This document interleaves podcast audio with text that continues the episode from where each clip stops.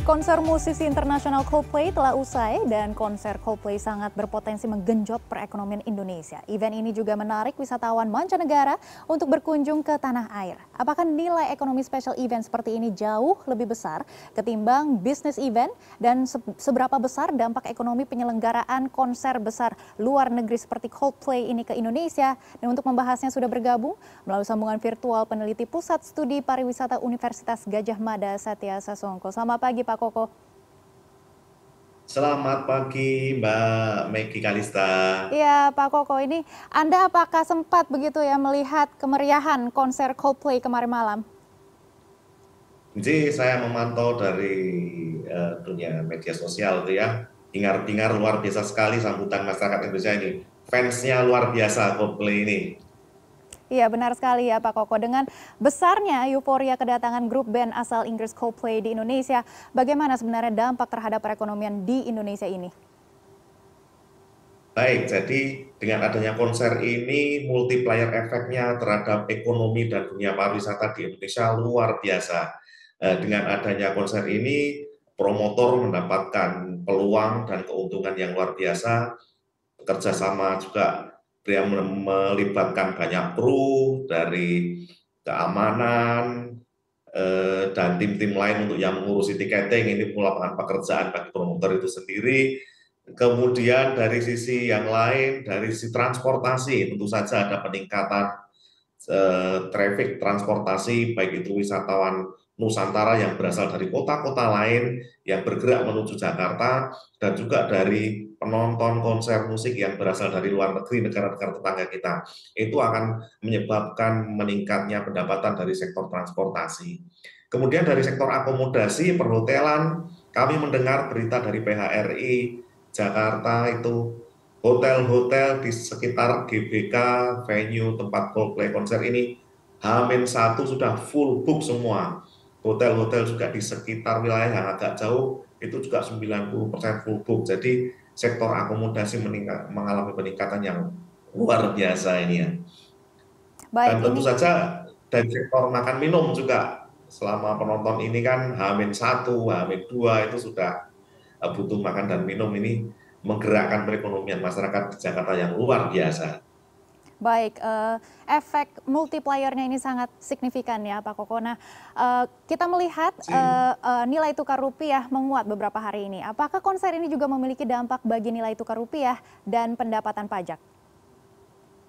J, nah, nilai tukar rupiah ini juga terkait dengan kepercayaan negara-negara internasional atas kemampuan Indonesia untuk menyelenggarakan konser tingkat dunia ya dengan adanya keamanan yang dapat dijamin, dengan adanya peningkatan ekonomi dan partisipasi penonton yang luar biasa lebih dari 60 ribu penonton, ini tentu saja memberikan kepercayaan kepada negara-negara asing sehingga citra bangsa Indonesia ini menguat. Nah, dengan citra yang menguat ini tentu saja ini memberikan dampak yang bagus terhadap ya, nilai tukar rupiah dan tentu saja dengan pendapatan ini pajak juga pasti akan meningkat. Nah, tentu saja nanti ini pemantauan juga penting sekali karena kalau kita melihat secara umum dari pandangan visual kita peningkatan cukup signifikan terjadi tapi untuk lebih detailnya lagi perlu ada e, survei-survei atau riset tertentu yang lebih mendetail sehingga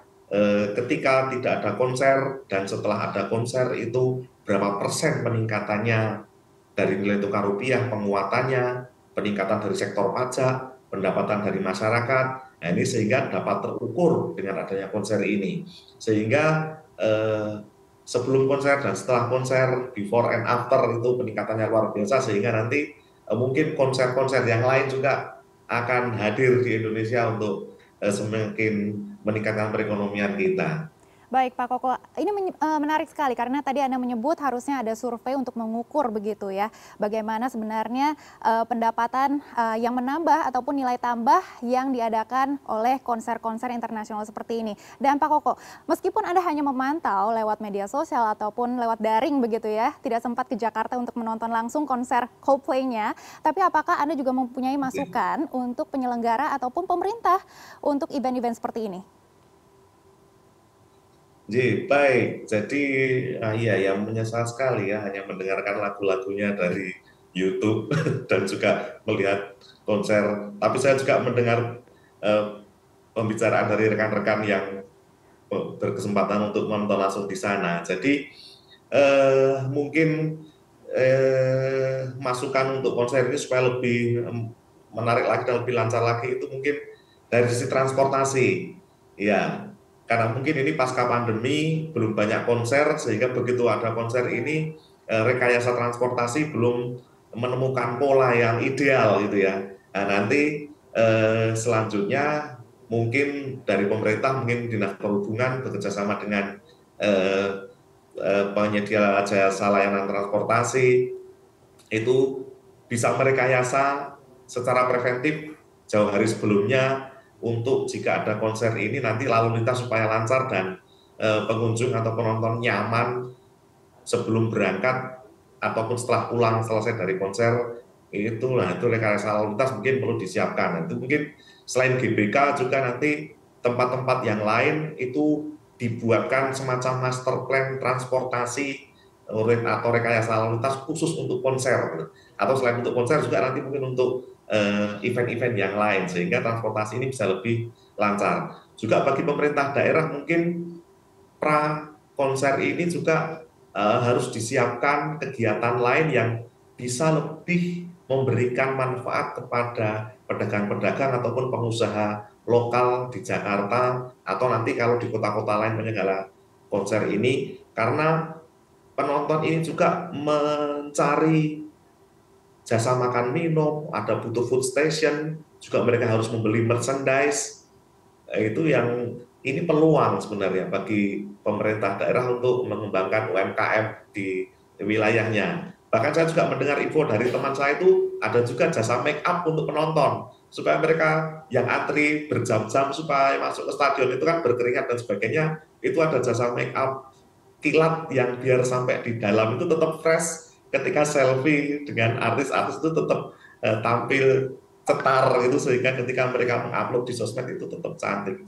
Nah itu mungkin beberapa uh, arahan pemasukan dan peluang-peluang bagi UMKM untuk mendapatkan manfaat ekonomi. Jadi tidak hanya sektor tertentu saja yang formal, tapi sektor formal juga mendapatkan manfaat dari konser ini. Baik Pak Koko, terima kasih atas masukannya dan sudah bergabung bersama kami di CNN Indonesia Business dan Referensi. Terima kasih.